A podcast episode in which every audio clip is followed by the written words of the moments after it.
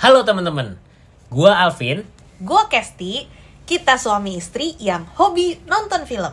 Kali ini kita membahas film judulnya The Black Phone. Nah, cerita dari film ini sebenarnya adalah tentang eh, penculikan remaja, anak-anak remaja di sebuah kota kecil. Nah, anak remaja yang diculik ini dimasukin tuh ke, ke ruang bawah tanah. Nah, di ruang bawah tanah itu ada sebuah telepon hitam yang nanti berperan penting tuh dalam eh, cerita di The Black Phone ini. Kurang lebih intinya kayak gitulah, penculikan seorang anak remaja oleh penculik yang pakai topeng serem. Nah, itu intinya. Menurut kamu gimana, Cil?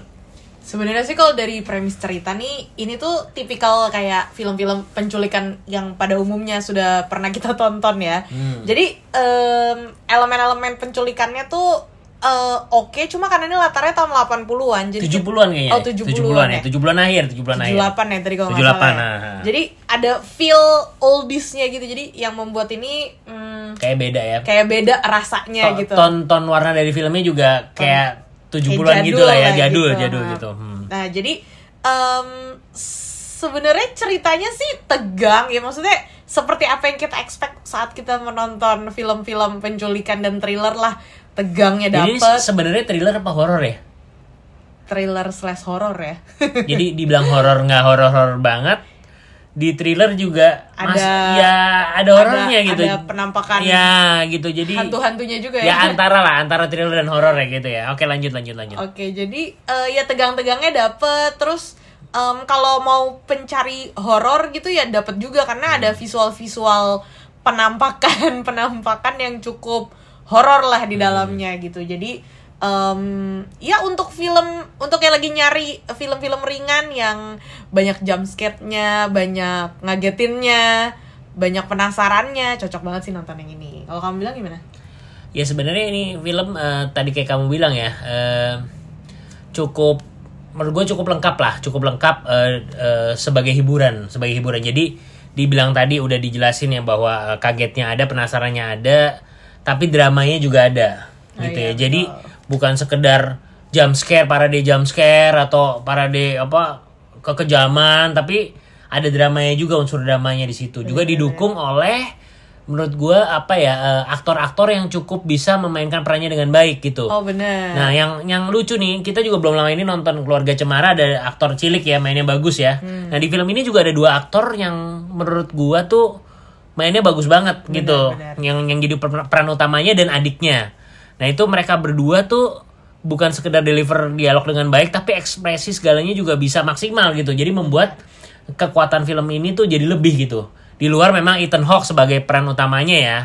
Gitu. Kalau gue suka banget sih si pemeran ceweknya ini namanya tadi siapa? Madeline McGraw yang ya. oh yang cewek itu eh, di film Gwen namanya Gwen Oh, iya. cuman Aslinya aslinya, namanya- Madeline McGraw Iya dia oke banget sih bener-bener apa ya kayak em wih menyenangkan banget tadi tonton kayak wih ini kecil-kecil tapi Hmm. acting mayan banget nih kayaknya dia akt- apa karir ke depannya menjanjikan Yes, sekali. yes, yes, oh terus bener. satu lagi eh, film ini juga skripnya lumayan bagus jadi em, dari awal tuh nggak ada dialog-dialog yang sia-sia gitu. Intinya Nah, iya, iya, semua yang dia planting dari awal ternyata tuh memiliki makna dan ada kelanjutannya gitu di belakang. Jadi em, skripnya lumayan smart sih bener-bener dari opening sampai ke akhir tuh ada benang merahnya lah gitu. Ya jadi diucapin apa di awal tiba-tiba kita baru jadi inget ya pas pas muncul di belakang oh, ini nih ternyata si ini nih gitu. Iya, gitu bener sih. Jadi lumayan oke lah Kalau gue sebenarnya dari semuanya, gue tuh sebenarnya nggak gitu suka banget nih nonton film horor.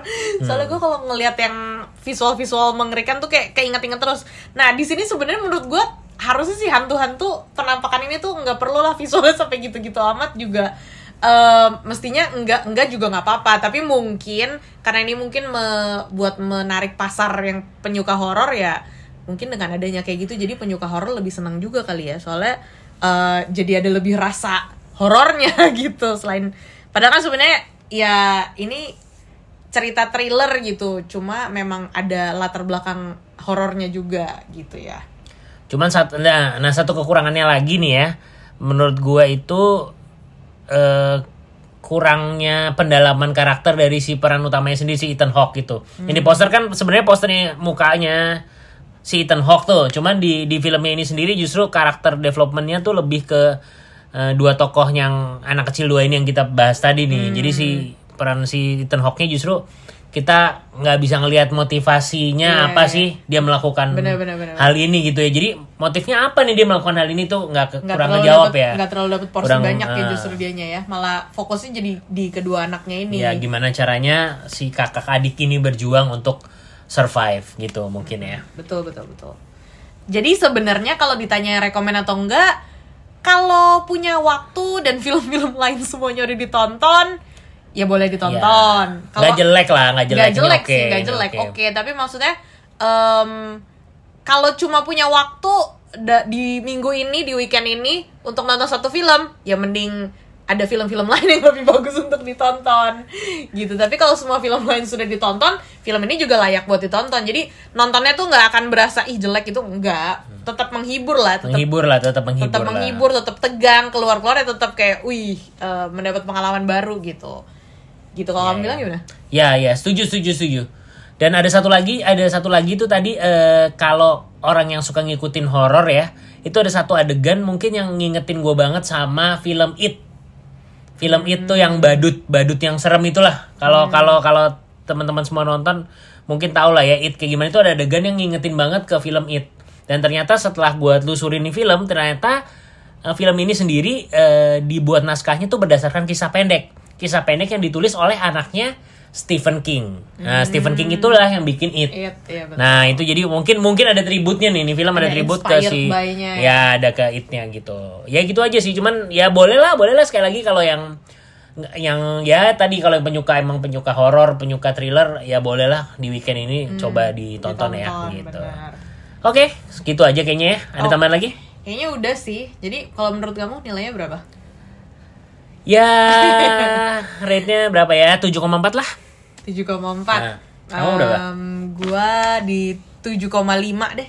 7,5 ya, berarti average-nya tetap lah ya 7,4 ya, lah. oke 7,4 deh. Oke lah yang 7,4,5 nih Iya, jadi 7,4 lah, 7,4 ya. Oke, jadi official rate dari asal ke sini buat film uh, The Black Phone adalah 7,4. Oke. Oke, jadi buat yang tertarik untuk nonton, silahkan nonton di mana aja asal Ke sini dengerin reviewnya. Bye. Bye.